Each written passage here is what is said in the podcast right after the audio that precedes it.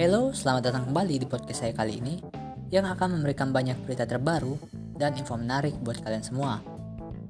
Nah, kali ini saya bersama dengan seluruh anggota kelompok 106 nih, yang pastinya akan lebih seru untuk menemani kalian semua. Oke, selamat mendengarkan.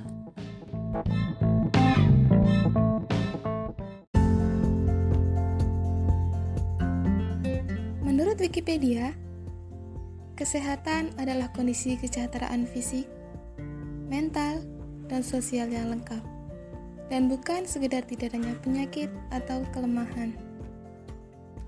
Seiring berjalannya waktu, makna kesehatan telah berkembang. Dalam perspektif model biomedis, definisi awal kesehatan difokuskan pada kemampuan tubuh untuk berfungsi.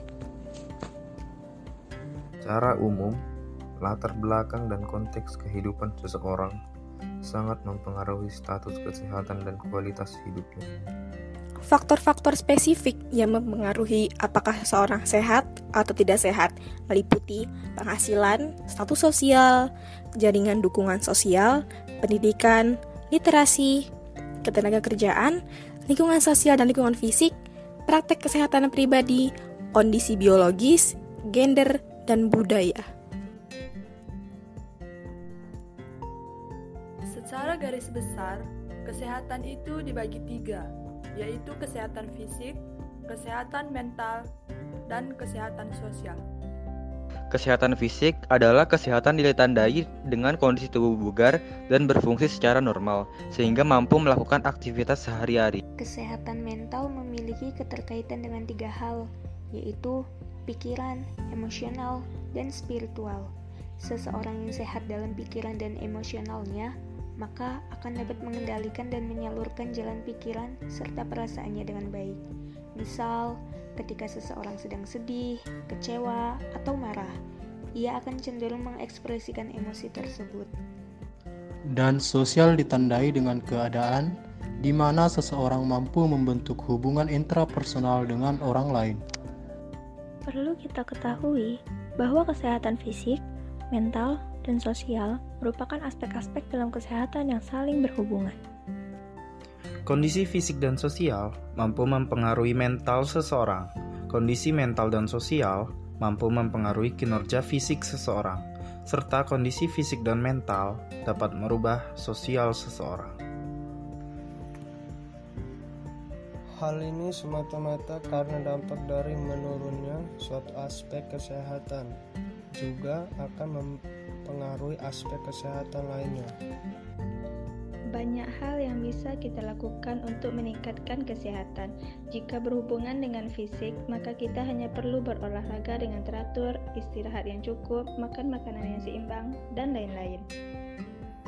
Jika berhubungan dengan mental, maka kita hanya perlu semakin mendekatkan diri kepada Tuhan, sering mengikuti kegiatan peribadahan, mendengarkan nasihat, dan selalu berpikiran rasional. Dan jika berhubungan dengan sosial, maka kita perlu berinteraksi lebih banyak lagi kepada orang-orang baik di sekitar kita. Ada banyak faktor yang mempengaruhi kesehatan kita. Salah satunya yaitu penyalahgunaan narkoba. Mau tahu apa itu narkoba? Tetap di sini ya.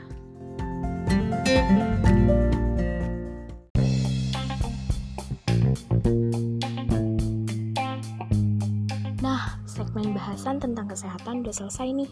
Eh, tapi jangan ke mana-mana dulu dong. Karena kita masih ada yang bakal dibahas, yaitu narkotika. Kalian tahu nggak sih apa itu narkotika? Jadi, menurut Undang-Undang Nomor 35 Tahun 2009, narkotika ialah zat atau obat yang berasal dari tanaman atau bukan tanaman, baik yang sintetis maupun semi sintetis, yang dapat menyebabkan penurunan atau perubahan kesadaran, hilangnya rasa, mengurangi atau bahkan sampai menghilangkan rasa nyeri, dan dapat menimbulkan ketergantungan. Nah, tadi kan ada ya kata-kata sintetis dan sintetis. Bedanya itu kalau sintetis itu narkotika palsu yang dibuat dari bahan kimia. Kalau semi sintetis, dia narkotika alami yang diambil intisarinya supaya memiliki khasiat yang lebih gitu loh buat dunia kedokteran gitu. Jenis-jenis narkotika. Yang pertama, heroin atau diamorfin INN adalah sejenis opioid alkaloid. Heroin adalah derivatif 3.6 diasetil dari morfin. Karena itulah namanya adalah diasetil morfin dan disintesiskan darinya melalui asetilasi. Bentuk kristal putihnya umumnya adalah garam hidroklorida, diamorfin hidroklorida.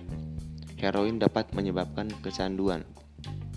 Yang kedua ada ganja atau cannabis sativation, cannabis indica adalah tumbuhan budidaya penghasil serat tetapi lebih dikenal dengan kandungan zat narkotika pada bijinya, tetrahidrokabinol. THC tetrahidrokannabinol yang dapat membuat pemakainya mengalami euforia atau rasa senang yang berkepanjangan tanpa sebab. Selanjutnya kita akan membahas tentang psikotropika. Apa itu psikotropika? Psikotropika adalah kategori obat yang dapat mengobati berbagai kondisi. Psikotropika bekerja dengan menyesuaikan tingkat neurotransmitter atau dengan cara merangsang susunan saraf pusat sehingga menyebabkan perubahan pada aktivitas mental, perilaku yang disertai halusinasi, ilusi, gangguan cara berpikir seseorang. Selain itu, psikotropika dapat menyebabkan perubahan perasaan tiba-tiba dan menimbulkan kecanduan pada penggunanya. Berdasarkan Undang-Undang Republik Indonesia Nomor 5 Tahun 1997, Psikotropika adalah zat atau obat baik alamiah maupun sintetis bukan narkotika yang berhasiat psikoaktif melalui pengaruh selektif pada susunan saraf pusat yang menyebabkan perubahan khas pada aktivitas mental dan perilaku. Selanjutnya ada zat adiktif. Zat adiktif adalah zat-zat yang bisa membuat ketagihan jika dikonsumsi secara rutin. Contohnya antara lain alkohol yang banyak terdapat di dalam minuman keras, nikotin yang banyak terdapat di dalam rokok, serta kafein yang banyak kita jumpai di dalam kopi. Dalam pasal 6 Undang-Undang Nomor 35 Tahun 2009 dipaparkan tentang penggolongan narkotika golongan 1 sampai 3 yang akan dijelaskan oleh teman saya. Yang pertama ada narkotika golongan 1 Golongan narkotika ini hanya dapat digunakan untuk tujuan pengembangan ilmu pengetahuan dan tidak digunakan dalam terapi, serta mempunyai potensi sangat tinggi mengakibatkan ketergantungan. Contohnya adalah heroin, kokain, daun kokain, opium, ganja, jicina, katinon, ekstasi, dan lebih dari 65 macam jenis lainnya. Narkotika golongan 2 Narkotika ini merupakan jenis narkotika yang memiliki kekuatan adiktif kuat dan menyebabkan ketergantungan. Biasanya, narkotika golongan ini banyak digunakan untuk pengobatan dan penelitian. Contohnya, petidin, benzetidin, morfin, metadon, fentalin, dan lain-lain. Narkotika golongan ketiga Golongan narkotika ini berhasiat untuk pengobatan dan banyak digunakan untuk terapi atau tujuan pengembangan ilmu pengetahuan. Narkotika golongan ini berpotensi ringan mengakibatkan ketergantungan. Contohnya kodein, buprenorfin, etilmorfina, nikokodina, dan proviram. Jenis-jenis narkotika yang sering disalahgunakan di Indonesia di antaranya satu heroin. Heroin adalah senyawa narkotika yang sangat berbahaya dengan sifat adiktif tinggi. Biasanya berbentuk butiran, bubuk, atau cairan. Heroin diperoleh dari hasil pengolahan morfin secara kimiawi.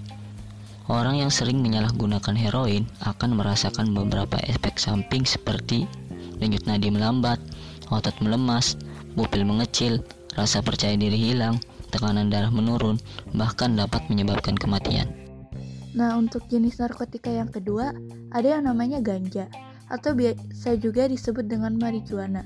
Ganja merupakan narkotika yang berasal dari tanaman cannabis sativa. Ganja biasanya dibuat menjadi rokok untuk dihisap supaya efek dari zatnya bereaksi. Dalam dunia medis, ganja juga digunakan sebagai obat.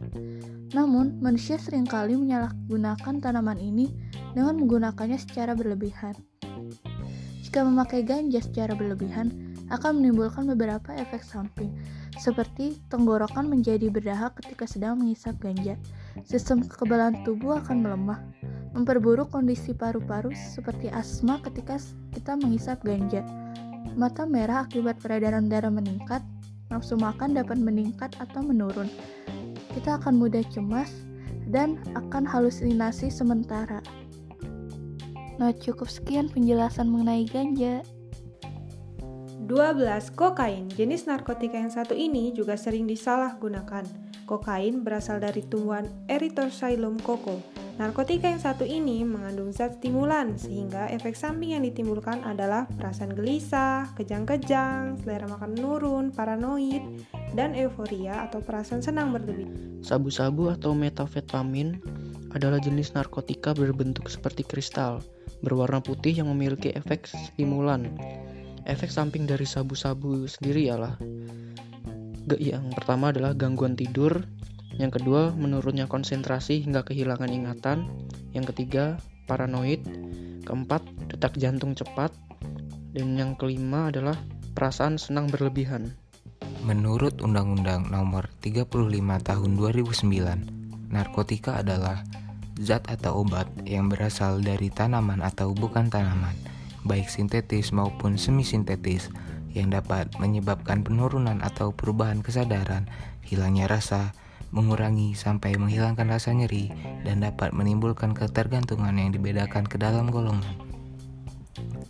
Lalu pada pasal 7 Undang-Undang Nomor 35 Tahun 2009 menyatakan bahwa narkotika hanya dapat digunakan untuk kepentingan pelayanan kesehatan dan atau pengembangan ilmu pengetahuan dan teknologi.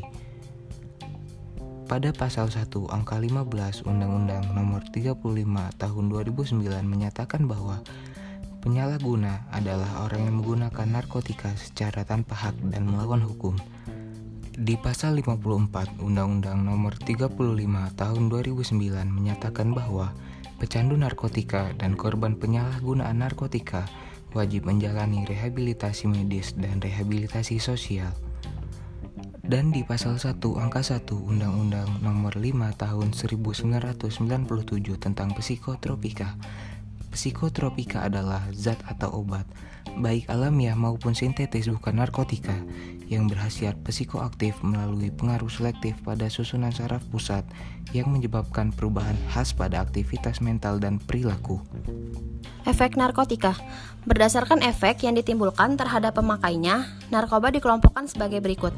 Yang pertama halusinogen, yaitu efek dari narkoba bisa mengakibatkan seseorang menjadi berhalusinasi dengan melihat suatu hal atau benda yang sebenarnya tidak ada.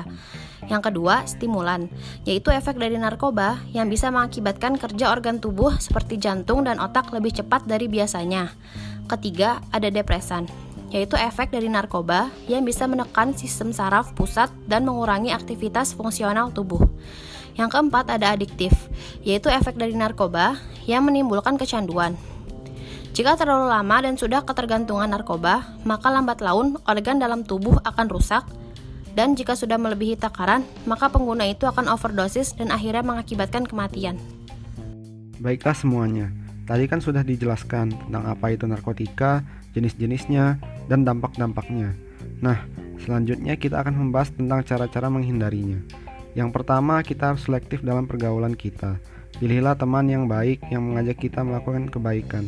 Ibarat jika kita mendekati seorang penjual parfum, maka kita sendiri pun akan ketularan bau wanginya dan sebaliknya yang akan terjadi jika kita mendekati orang yang kotor dan berbau busuk. Kedua, cobalah mengisi waktu luang dengan hobi dan aktivitas yang positif seperti olahraga, melukis, menulis, dan sebagainya.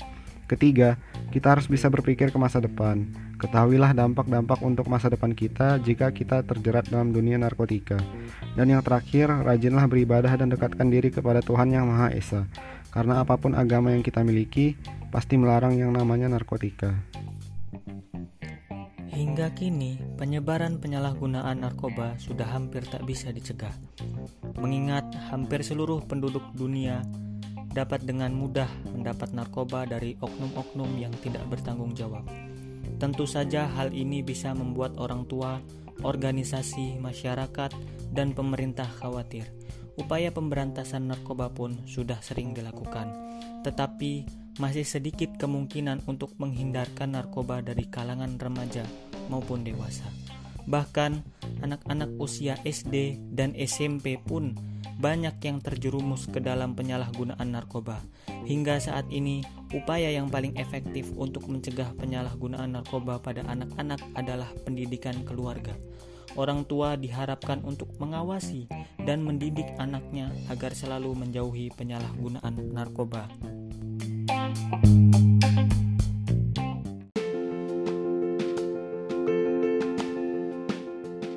Nah, itu adalah sedikit info yang telah kami sampaikan. Menarik bukan? Jadi kesimpulannya, kesehatan itu sangat mahal, sangat penting bagi setiap individu. Dan cara yang dapat kita lakukan ialah olahraga yang teratur, makan makanan yang seimbang, dan istirahat yang cukup. Demikianlah sedikit info yang dapat kami sampaikan. Semoga bermanfaat bagi para pendengar. Dan jangan lupa nantikan podcast saya selanjutnya masih di channel yang sama. Saya Gabriel Manulang dan seluruh teman-teman kelompok 106 undur diri. Saya ucapkan terima kasih dan sampai jumpa. See you next time.